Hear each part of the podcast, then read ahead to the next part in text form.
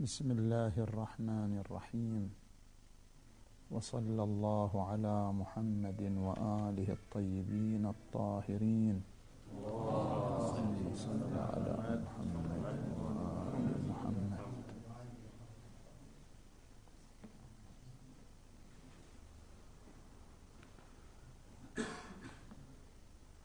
ما زال الحديث حول حجية العقل في وصوله إلى الحكم الشرعي.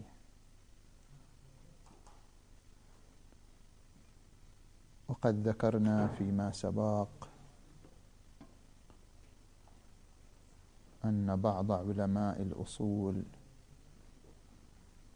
أورد على بعض المحدثين القائلين بعدم حجية العقل.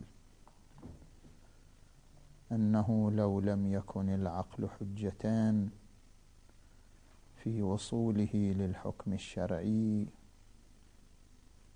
لما أمكن أن نحكم بوجوب إطاعة المولى وبقبح معصيته.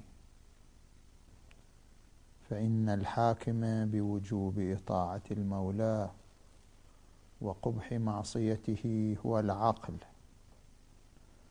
فإذا سددنا هذا الباب وقلنا بعدم حجية العاقل إذا لا دليل على وجوب إطاعة المولى ولا دليل على قبح معصيته. ويمكن تحليل هذا المطلب بأن يقال هناك بحث كلامي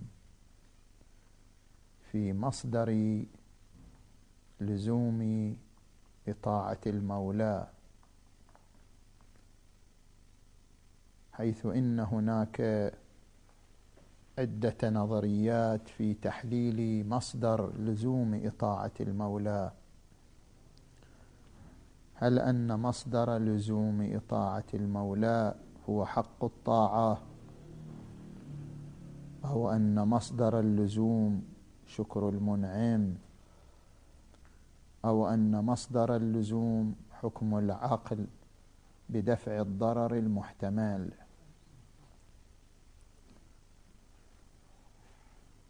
فالنظرية الأولى تختص بالمولى الحقيقي وهو الله تبارك وتعالى.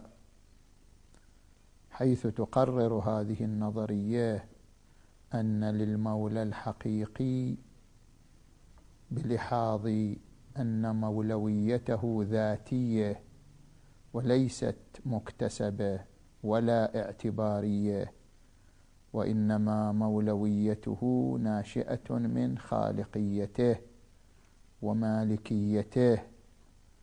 فمقتضى أنه خالق بالاستقلال ومالك بالاستقلال أن له حق الطاعة على مماليكه وعبيده. فحق الطاعة حكم يحكم به العاقل بعد إدراكه المولوية الذاتية للمشرع لله عز وجل.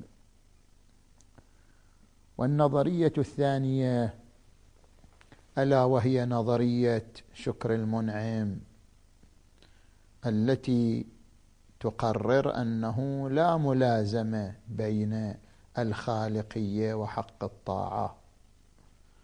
فكونه تبارك وتعالى خالقا للعباد بالاستقلال أو مالكا لما خلق لا ملازمة بين ذلك عقلا وبين أن يكون له حق الطاعة على عبيده. إذ لا نرى وجها للملازمة بين الأمرين أي بين مولويته الذاتية الناشئة عن خالقيته ومالكيته وبين أن يثبت له حق الطاعة على العباد.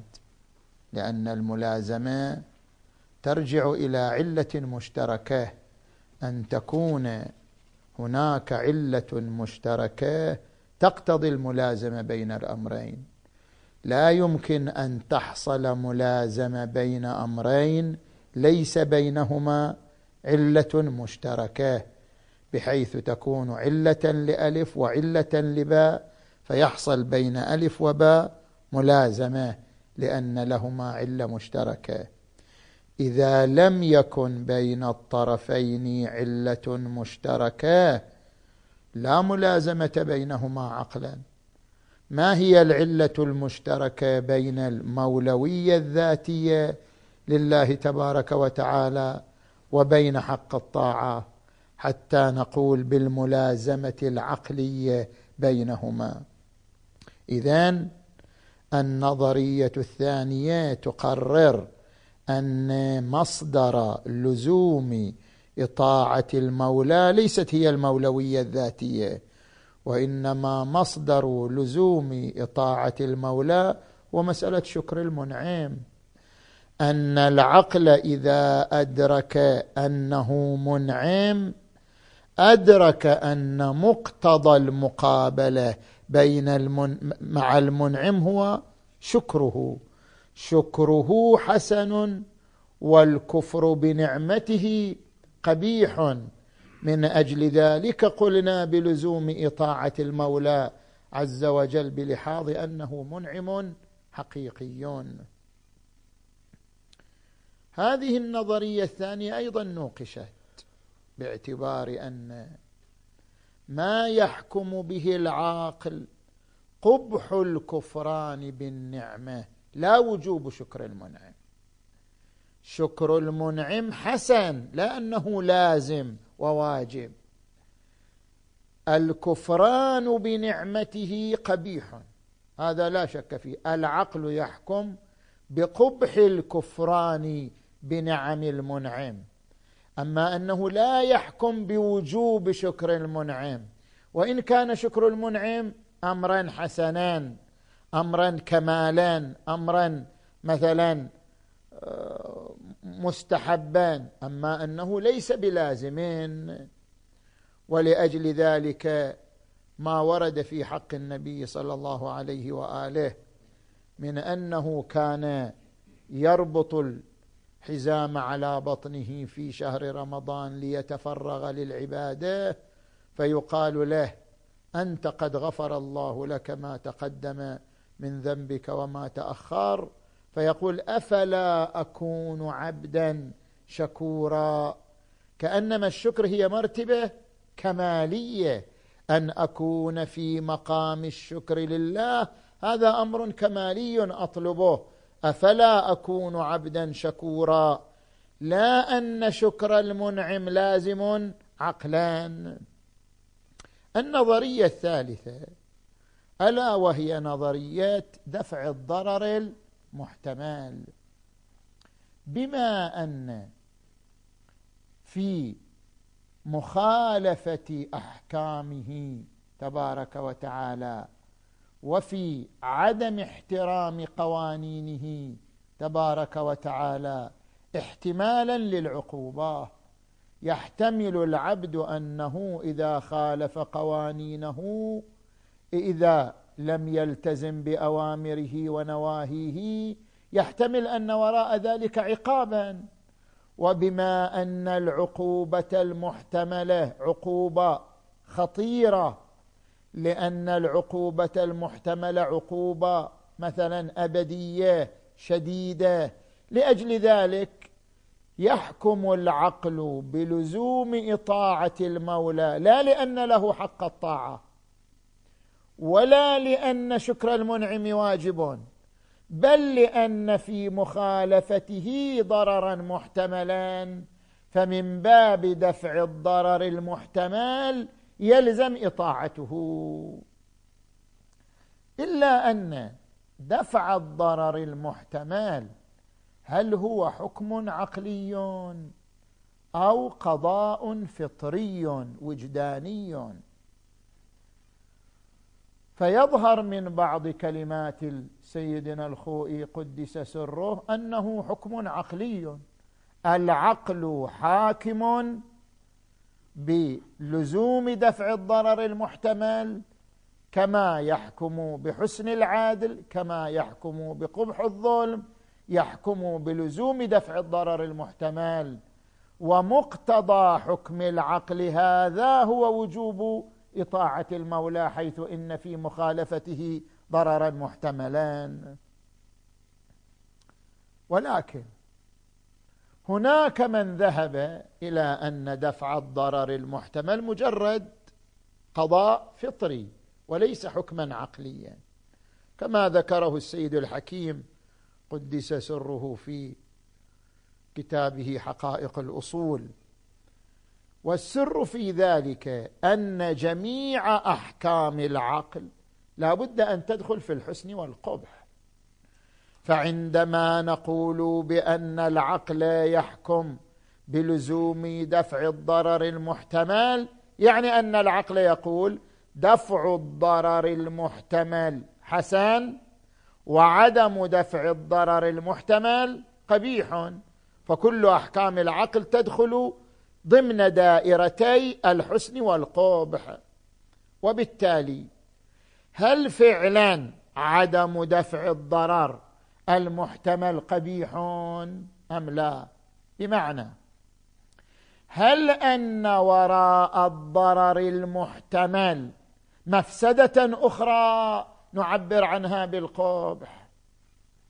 فلنفترض الإنسان احتمل ضررا. الإنسان احتمل أنه إذا سلك هذا الطريق يتعرض إلى ضرر. في هذا الطريق يحتمل خطر كهربائي مثلا. يحتمل ضرر خطير ولكن الإنسان اقتحم الطريق ولم يبالي بالضرر المحتمل.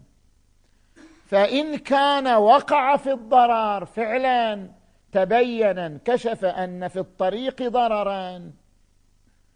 فليس وراء وقوعه في الضرر قبح آخر وهو قبح الإقدام. هو وقع في الضرر يعني ما يتحمل أمرين ضرر وقبيح. ليس وراء وقوعه في الضرر شيء آخر نسميه بالقبح. وإن لم يكن هناك ضرر ما صادف ضررا الحمد لله. هل أن العاقل في مثل هذه الصورة أن شخصا احتمل خطرا في طريق ومع ذلك سلكه وعندما سلكه تبين أن لا ضرر فيه أصلا وأنه كان متوهم هل يعد عند العقلاء فعل قبيحا. ويقول لهم أنا ما أصابني شيء دخلت الطريق وما تعرضت لشيء. يقولون نعم أنت لم تتعرض لضرر لكن إقدامك كان قبيح كان قبيحا. هل العقلاء يقولون كذلك؟ أم يقولون لا؟ إذا احتمل الإنسان خطرا في طريق الفطرة تقضي بلزوم ذلك.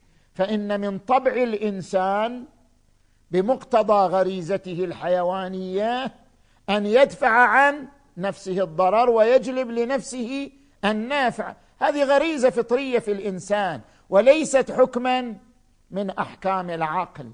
أي لا يقبح ترك الضرر.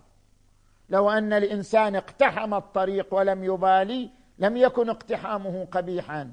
والدليل على أن اقتحامه ليس قبيحا عقلا أنه لو انكشف أن الطريق لا خطر فيه فإن العقلاء يقولون الحمد لله ما صار شيء.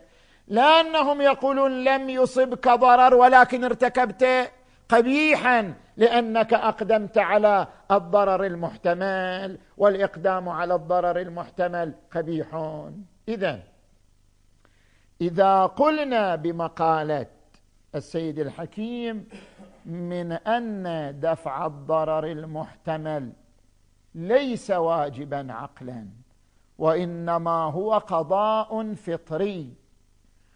وفندنا النظريتين الاوليين يعني قلنا ليس مصدر لزوم إطاعة الله. هو حق الطاعة. وليس مصدر لزوم إطاعة الله. هو شكر المنعم. وأما دفع الضرر المحتمل فليس حكما عقليا. وإنما هو قضاء فطري. اذا بالنتيجة. ما هي النتيجة؟ لا يجب إطاعة الله عقلا. النتيجة أنه لا يجب إطاعة الله عقلا لأن وجوب إطاعته عقلا إما بالنظرية الأولى أو بالنظرية الثانية أو بحكم العقل بدفع الضرر المحتمل. فإذا قلتم العقل لا يحكم بدفع الضرر المحتمل وإنما هو قضاء غريزي فطري.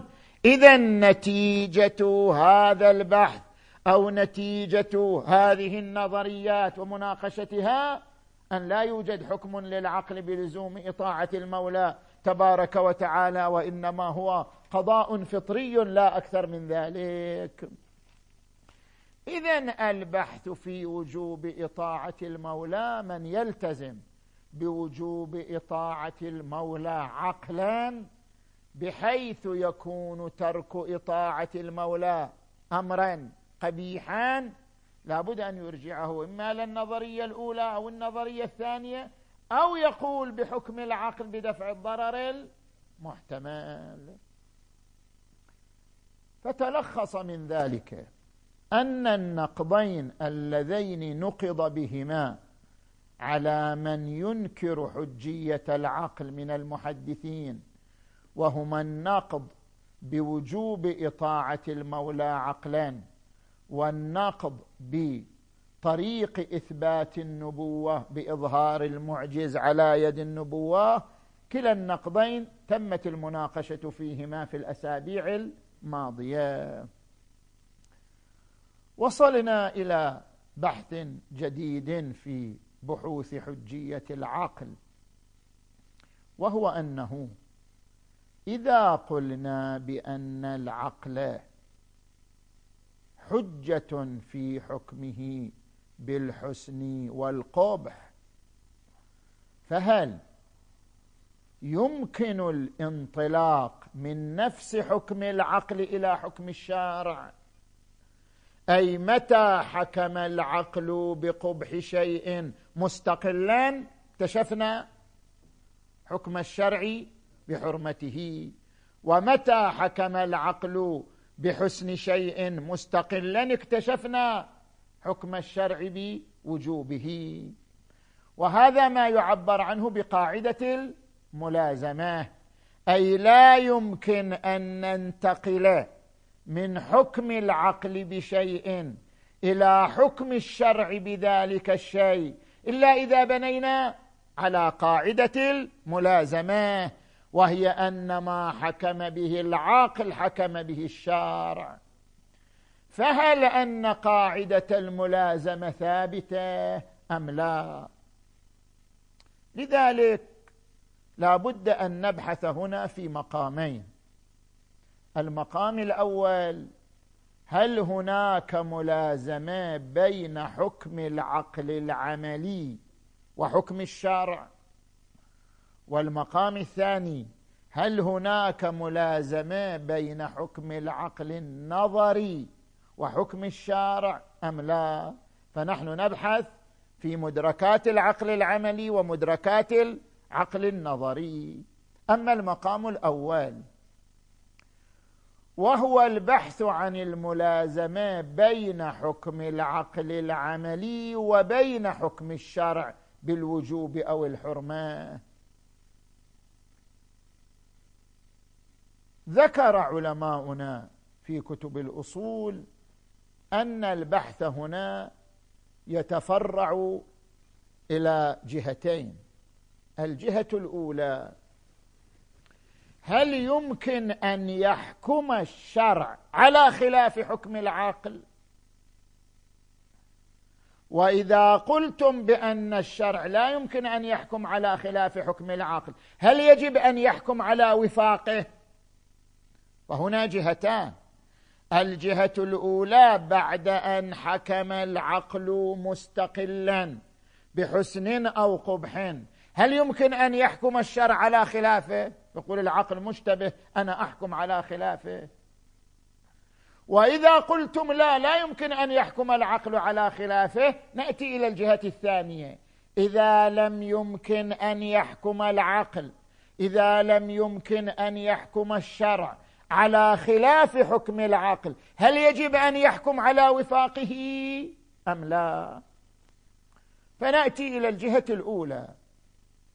هل يمكن أن يحكم الشرع على خلاف ما حكم به العاقل؟ وإن كان ما حكم به العقل حكما عقليا قطعيا مستقلا مع ذلك يأتي الشرع يقول لا العقل مشتبه أنا أحكم على خلافه أم لا؟ هنا تعرض المحقق الإصفهاني قدس سره في كتابه نهاية الدراية في شرح الكفاية إلى هذا المطلب وهو أنه هل أن الشرع يمكن أن يحكم بخلاف حكم العاقل أم لا؟ قال حكم العقل على نوعين. تارة يحكم العقل على نحو العلية التامة. وتارة يحكم العقل على نحو الاقتضاء للعلية التامة. أما النوع الأول فهو مسألة حسن العدل وقبح الظلم. يعني العقل يقول الظلم علة تامة للقبح.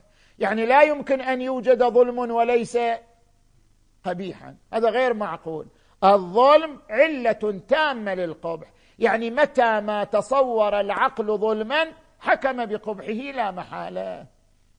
في مثل هذا النوع وهو ما يحكم العقل بقبحه على نحو العلة التامة لا يعقل أن يحكم الشرع على خلافه مستحيل أن يحكم الشرع على خلاف ما حكم به العقل بالقبح أو الحسن على نحو العليه التامة باعتبار أن الشرع سيد العقلاء باعتبار أن الشرع لا يعقل أن يغفل عما يدركه العقلاء بما هم عقلاء.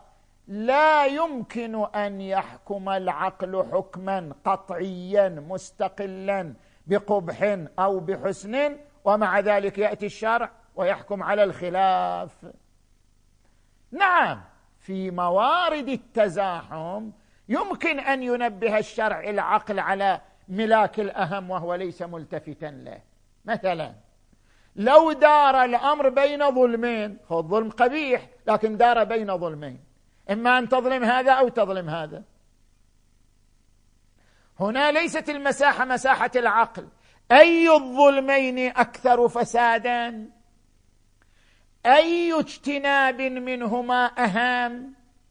لنفترض مثلا لدينا امرأة في بطنها جنين مكتمل ذو روح هي إنسان وهو إنسان. ودار الأمر بين موت المرأة أو موت الجنين. يعني الطبيب لابد أن يرتكب أحد الظلمين لا محالة. قتل المرأة ظلم إزهاق لحق الحياة. قتل الجنين ظلم إزهاق لحق الحياة. هذا الطبيب لابد أن يقوم بعملية تنتج قتل أحدهما. لابد أن يقوم لا يمكن إنقاذ أحدهما إلا بقتل الآخر. أو أن إنسان مثلا يسقط من أعلى شاهق. إذا سقط من أعلى شاهق على إنسان آخر. يا يقتل الانسان الآخر يا هو يقتل. يعني أحد الأمرين.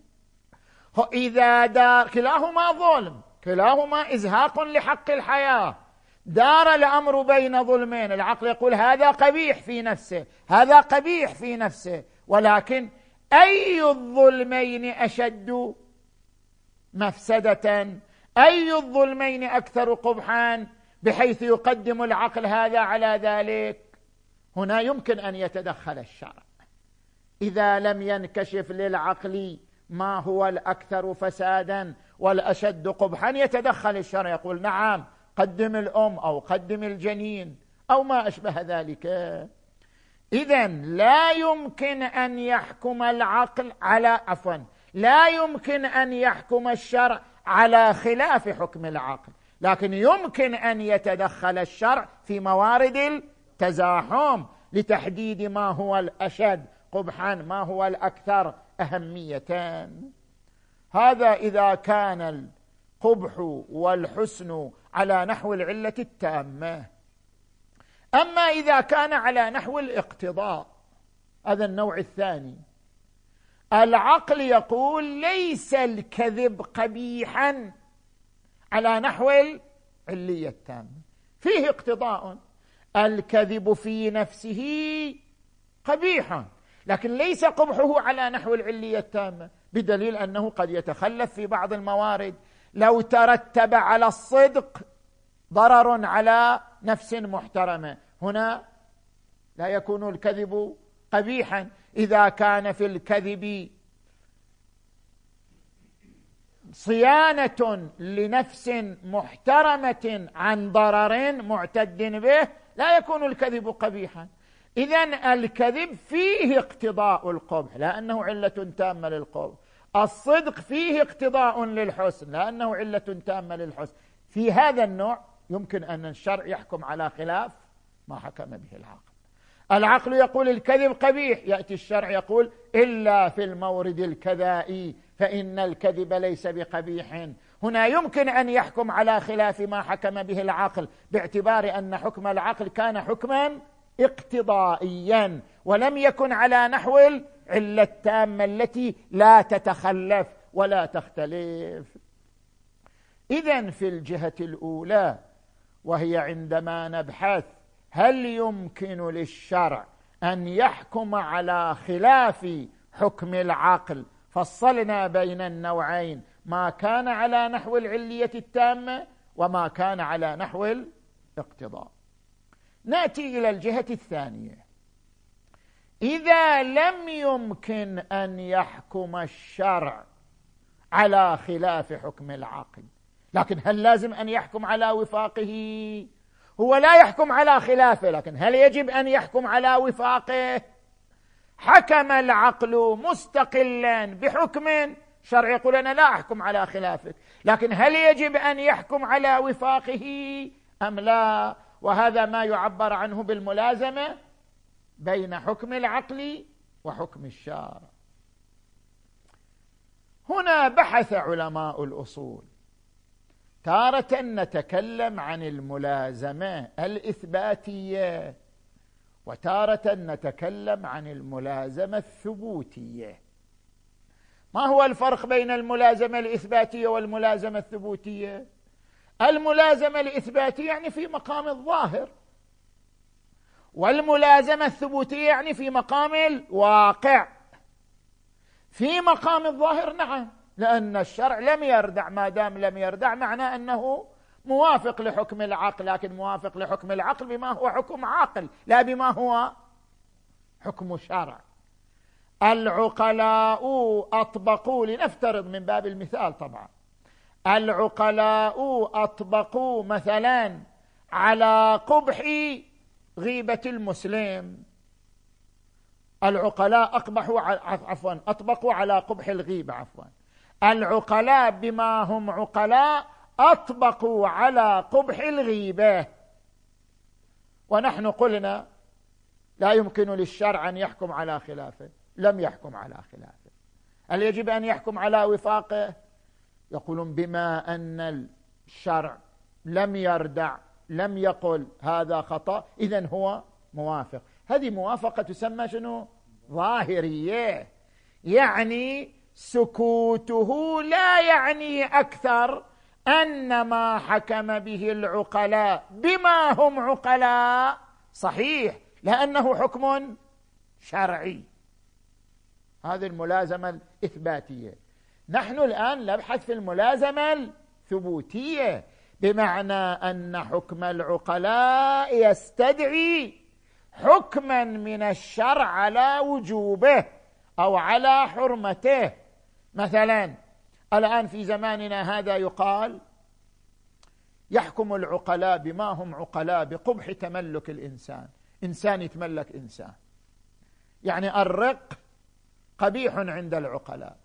العقلاء يرون أن الرق الاسترقاق استرقاق إنسان لإنسان أمر قبيح. لو فرضنا أن حكم العقلاء بقبح الاسترقاق على نحو العلية التامة هل يجب أن يحكم الشرع على طبقه؟ بأن نقول بما أنه حكم به العقلاء إذا الشرع أيضا يقول يحرم. العقل يقول قبيح الشرع يقول يحرم. ذكر هنا الشيخ المظفر في كتابه أصول المظفر نعم هناك ملازمة بين حكم العقل وحكم الشرع على نحو الدلالة التضمنية.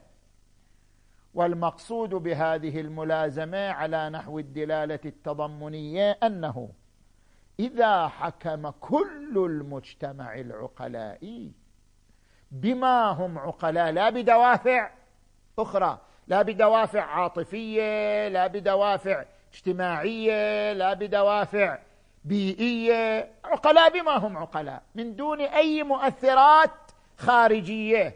حكم المجتمع العقلاء بأسره بما هم عقلاء على أن الاسترقاق قبيح. إذا الشرع حكم بحرمته لماذا؟ يقول لأن الشارع شنو؟ سيد العقلاء إذا حكم العقلاء كلهم بما هم عقلاء بذلك إذا حكم الشرع بحرمته لأنه سيد العقلاء فلو تخلف عنهم لم يكن عاقلا وبما أنه سيد العقلاء فإذا حكم العقلاء بقبح شيء حكم هو بحرمته. وإذا حكم العقلاء بحسن شيء حكم هو بوجوبه. هذا ما يعبر عنه بالملازمة الثبوتية بين حكم العقل وحكم الشارع. ولكن هنا عدة مناقشات لهذه الملازمة. نذكر هذه الليلة إحدى المناقشات والبقية إلى الأسبوع القادم. المناقشة الأولى ما ذكره السيد الصادر قدس سره في أصوله من أن الحسن والقبح أمور واقعية ليست أمور إنشائية نحن ننشئها. كما ننشئ الوجوب كما ننشئ الحرمة. كما أن الأب ينشئ الأمر في حق ولده. كما أن الدولة تنشئ الإلزام في حق مواطنيها. لا الوجوب والحرمة هذه أمور إنشائية. أما الحسن والقبح فهي أمور نفس أمرية يعني أمور مرتسمة في نفس الأمر والواقع. ليس دور العقل تجاهها إلا الإدراك. لأن العقل ينشئها لأن العقل يصنعها. العقل يدركها. تماما كالأمور النظرية. كما أن العقل يدرك امتناع اجتماع النقيضين استحالة اجتماع النقيضين. استحالة اجتماع النقيضين ليس شيئا ينشئه العقل. استحالة اجتماع النقيضين أمر واقعي يدركه العقل لأنه ينشئه. كما أن العقل يدرك أن الإنسان ممكن كما أن العقل يدرك أن الله واجب الوجود العقل يدرك حسن العدل وقبح الظلم حسن الصدق وقبح الكذب حسن الأشياء ليس امرا انشائيا بل هو أمر واقعي فإذا كان الحسن والقبح أمرين واقعيين العقلاء أدركوا. أدرك العقلاء بما لديهم من عاقل أن العدل حسن والظلم قبيح والصدق حسن وال كذب قبيح والاسترقاق قبيح وما أشبه ذلك. والشرع أدرك ما أدركوا لأن المفروض أن الحسن والقبح هو أمر واقعي. هناك ملازمة بين الإدراكين لأن هناك ملازمة بين إدراك العقلاء للحسن والقبح وقول الشارع يجب أو يحرم. لأن هناك فرقا بينهما. الحسن والقبح أمور واقعية بينما الوجوب والحرمة أمور إنشائية. لا ملازمة بين الأمر الواقعي والأمر الإنشائي. العقلاء بما هم عقلاء أدركوا حسن العدل وقبح الظلم. شرهم يدرك كما أدركوا. أما أن الشرع ينشئ كما أدركوا ينشئ وجوب العدل ينشئ حرمة الظلم ينشئ حرمة الاسترقاق لأن العقلاء أدركوا قبحه فلا ملازمة بين الأمرين لأن الأمرين مختلفان شنو؟ سنخان. هذا من الأمور الواقعية هذا من الأمور الإنشائية ولا ملازمة بينهما. يأتي الكلام في بقية المناقشات إن شاء الله في الهفت القادم.